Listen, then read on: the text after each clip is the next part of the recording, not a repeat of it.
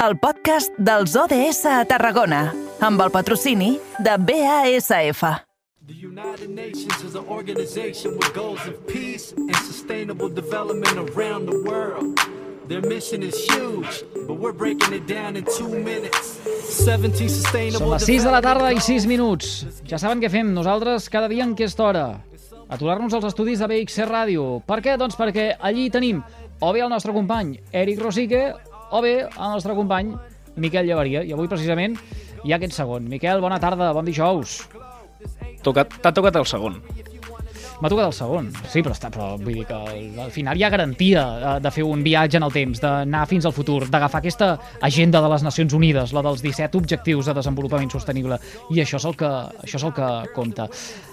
Escolta, avui ens fem amb el número 8, treball decent i creixement econòmic. Tu diràs quin és el motiu.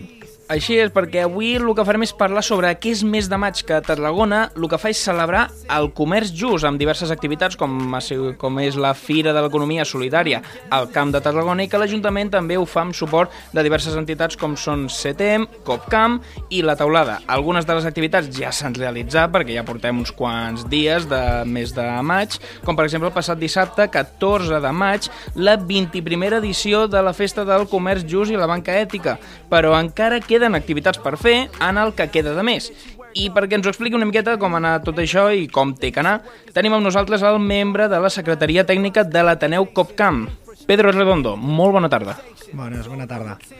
Per començar, jo te vull preguntar una cosa, és que quan parlem de comerç just, de què estem parlant? Sí, està bé que comencem així per aterrar una mica conceptes, no? El, aquest mes es, deia, es diu aquí a Tarragona que l'han dedicat al comerç just i l'economia solidària, no? És important aquesta diferència perquè el que va passar el cap de setmana passat era la fira, la festa del comerç just i el que passarà aquest cap de setmana vinent és la fira de l'economia solidària, no?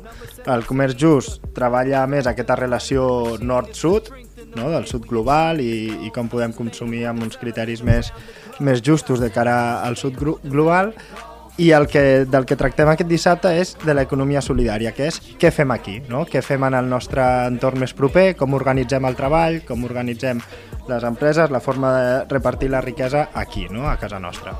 I exactament com, com serà aquesta forma d'explicar aquesta economia solidària per a la gent, perquè és el que, com bé dius, és el que queda per explicar. Doncs bé, des de l'Ateneu Cooperatiu, des d'on jo treballo i aquí vinc a representar avui, doncs des de fa ja 5 anys ens dediquem a, a promoure aquesta economia solidària al Camp de Tarragona i això ho fem des de eh, formacions, assessoraments a mida, acompanyaments, no? a tots aquells projectes econòmics que volen treballar amb aquesta lògica no? de l'economia social i solidària. I el que fem aquest cap de setmana és la Fira, que ja serà la quarta edició, i el que fem és una trobada anual on molts d'aquests projectes amb els que treballem i els que assessorem al llarg de l'any doncs es donen cita i, i bé, i ens volem doncs, presentar a la ciutadania, que ens puguin conèixer i que puguin conèixer què fan totes les cooperatives que hi participaran. Uh -huh. Aleshores, els vostres objectius no, que tindríeu amb aquesta Fira de l'Economia Solidària al Camp de Tarragona és intentar mm, donar a conèixer tots aquests projectes per estar a favor no, d'un model més solidari en quant al comerç i en quant a la forma de plantejar els negocis. Sí, correcte. No? La, el punt de partida és que veiem i ja cada cop creiem que és més innegable no? doncs que la manera de, de gestionar l'economia no? que portem fent les darreres dècades no és sostenible no? a nivell de, de, al nivell de consum, al, a la, les desigualtats econòmiques que estem generant, tot això no és sostenible, llavors ha d'haver-hi una altra manera d'organitzar-ho, no? perquè si no eh, poc ens queda potser no? d'aquesta societat que, que coneixem avui en dia i el que fem des del cooperativisme i des de l'economia social i solidària és posar en pràctica això. Doncs veiem que no pot seguir així, doncs posem-hi solució. No? I, I com és que costa tant? És a dir, eh, es posa en pràctica o hi ha aquesta voluntat per part m'atreveixo a dir, si no ara, Pedro, em corregeixes, d'una minoria de defensar aquesta eh, economia solidària, però després eh, el gruix de la ciutadania costa de, eh, que eh, realment recolzi eh, o, o, o es faci amb el que eh, acaba resultant eh, d'una cooperativa, per exemple. Al final, si no fos per aquesta eh, quarta edició de la, de la Fira, potser no en parlaríem de l'economia solidària del Camp de Tarragona. Sí, és innegable que encara és minoritari no? en, el, en el mix de l'economia global. La, lògica capitalista és la que impera, eh, és obvi, i, però jo crec que dintre de molta gent i cada cop més doncs hi ha, hi ha algú no? que, que, que rasca una miqueta per dins i diu, ostres, doncs potser hem de buscar una alternativa, no? I que crec que cada cop ani, anirem ser, sent més, no? però és veritat que a dia d'avui és anar una mica contracorrent perquè tot el context, tot el que veiem no? a, a la tele, allà on sigui, no? ens, ens espitja potser cap a aquesta lògica més individualista, més capitalista, d'entendre l'economia i el món. No? Però, mm. però bueno, és qüestió de temps i al final de proactivitat, no? Com més triguem en fer el pas i en fer petits canvis, pues més difícil serà revertir-ho, no? I, bueno... Però ja, ja venim d'aquí també. Uh, uh, uh, els nostres avis ens han deixat unes cooperatives, un, un perfil de cooperatives, en aquest cas mm. parlaríem de les uh, cooperatives uh, agrícoles o de cooperatives sí. uh, uh, obreres. Vull dir que uh, al final és uh, recuperar uns hàbits, recuperar un model que per per B un dia vam deixar de creure-hi. Sí, vam deixar de creure per, i sobretot es va deixar d'aplicar per, per aquesta lògica individualista que dèiem, no? que durant uns, unes dècades ha funcionat molt bé, sobretot per, per alguns, ha funcionat molt bé, però, però se li ha de trobar solució. No? Com tu bé deies, les cooperatives agràries van ser un model que, que dominava eh, la, el model econòmic i social i cultural, m'atreveixo a dir, de, de Catalunya fa 100 anys, no? I amb el temps doncs, s'ha doncs, anat, anat perdent. I el que parlem avui és no només eh, eh, parlar de lo agrari, sinó traslladar aquest model cooperatiu, aquest model de propietat compartida, de presa de decisions horitzontals, no? traslladar-ho al cooperativisme de treball, no? que és el que defensem nosaltres i el que, en el que treballem. I és que qualsevol tipus d'empresa pot organitzar-se de forma cooperativa. No? En lloc de ser, una, ser vertical, no? tenir un cap i tenir molta gent que obeeix aquest cap i que al cap i a la fi rendeix comptes a aquest cap i si es generen beneficis doncs són pels, pels caps, doncs el que, el que fem en les cooperatives de treball és una organització més horitzontal i un repartiment dels beneficis més horitzontal, el, que, el qual no treu que hi pugui haver càrrecs, no? que un es puguin carregar una cosa, no? que sempre és aquest clitxer, diuen, bueno, però cal gent que... Bueno, sí, ens podem organitzar, podem tenir càrrecs, però al final la propietat i el poder sobre l'empresa és compartit. Uh -huh. I jo te volia preguntar per una cosa en el fet de és que al final moltes vegades quan pensem en l'economia i pensem en aquesta, en aquesta, gairebé és com una lluita entre les empreses, en ser la més competitiva, la paraula competitiu. Jo sempre he escoltat que has de ser competitiu si ets una empresa, has de ser la millor, haig de vendre més que l'altra, haig de guanyar-la. Mm. Aquesta idea realment és sostenible, és aguantable que estem sempre pensant en ser millor que l'altre i vendre més que l'altre mm. o realment porta un camí sense sortida? Per, per nosaltres aquesta és la lògica individualista i capitalista que, que dèiem abans i que és totalment insostenible. No? Eh, el que està clar és que tota empresa ha de ser rentable. No? Ha de ser, hi han d'haver uns ingressos, hi han d'haver uns sous i, han de, i hem de tenir sous dignes per tenir vides dignes. No? Llavors, les empreses han de ser sostenibles i han de ser eh, sostenibles a nivell social, personal, pels treballadors i, i sostenibles a nivell econòmic. No? Per això deia que han de ser rentables. Això és innegable. Si no, no, no, no funcionarà qualsevol empresa, del tipus que sigui. Però aquest altre tema que dius de la competitivitat millor que l'altre, aquí és on ho qüestionem. No? Dintre del cooperativisme hi ha un dels principis fonamentals que és la intercooperació, que és el que diem nosaltres, i és que en molts casos, si ens esforcem, si ens comuniquem, moltes empreses que a priori la lògica capitalista ens diu que són competència i que hem de ser millor que elles, com tu deies, poden arribar a ser col·laboradores, no? I si, i si treballem plegats segurament podrem afrontar projectes i podrem arribar a clients que soles no arribaríem, no? Però si treballem plegats cadascuna aportem la nostra expertesa i sumem forces, en molts casos es donen, es donen projectes molt més grans que el que mm-hmm. podries imaginar com a, com a individu, no? Mm-hmm. com a empresa individual. Pedro, en tot plegat, quin és el paper que té l'administració? Eh, perquè una cosa és el que eh, promulguin eh, entitats eh, com CETEM, COPCAM o la Taulada. Per cert, en coneixerem més de 30 exemples eh, aquest eh, dissabte a la plaça Corsini de, de, de Tarragona, però eh, què, què és el que hauria de fer eh, l'administració en aquest -huh. cas per eh, vetllar per aquestes alternatives en benefici de, de la comunitat i no només d'uns quants pocs? -huh. Doncs una cosa que des de l'Ateneu Cooperatiu, eh, més enllà de l'assessorament a les iniciatives emprenedores, com deia abans, també treball, intentem treballar amb l'administració i també la intentem acompanyar en aquesta transformació no? que, que mencioneu ara. Eh, I una de les coses on s'està posant més èmfasi ara, i crec que hi ha molt de camp per córrer per la- per l'administració pública, és en el de la compra pública responsable, que se'n diu. No? Eh, l'administració pública compra moltíssims serveis no? al, al sector privat. O sigui, de fet, és un percentatge altíssim del PIB espanyol és la compra pública, no? el que l'administració contracta. Doncs en aquí hi ha molt de camp per córrer perquè aquestes contractacions de serveis i productes que fa l'administració es facin amb unes clàusules que aprofundeixin més en el valor públic d'aquests diners que s'està gastant. No? Què vol dir això?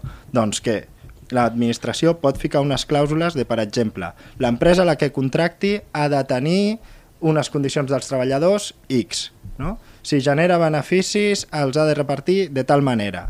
Sí, bueno, un seguit de condicions, no?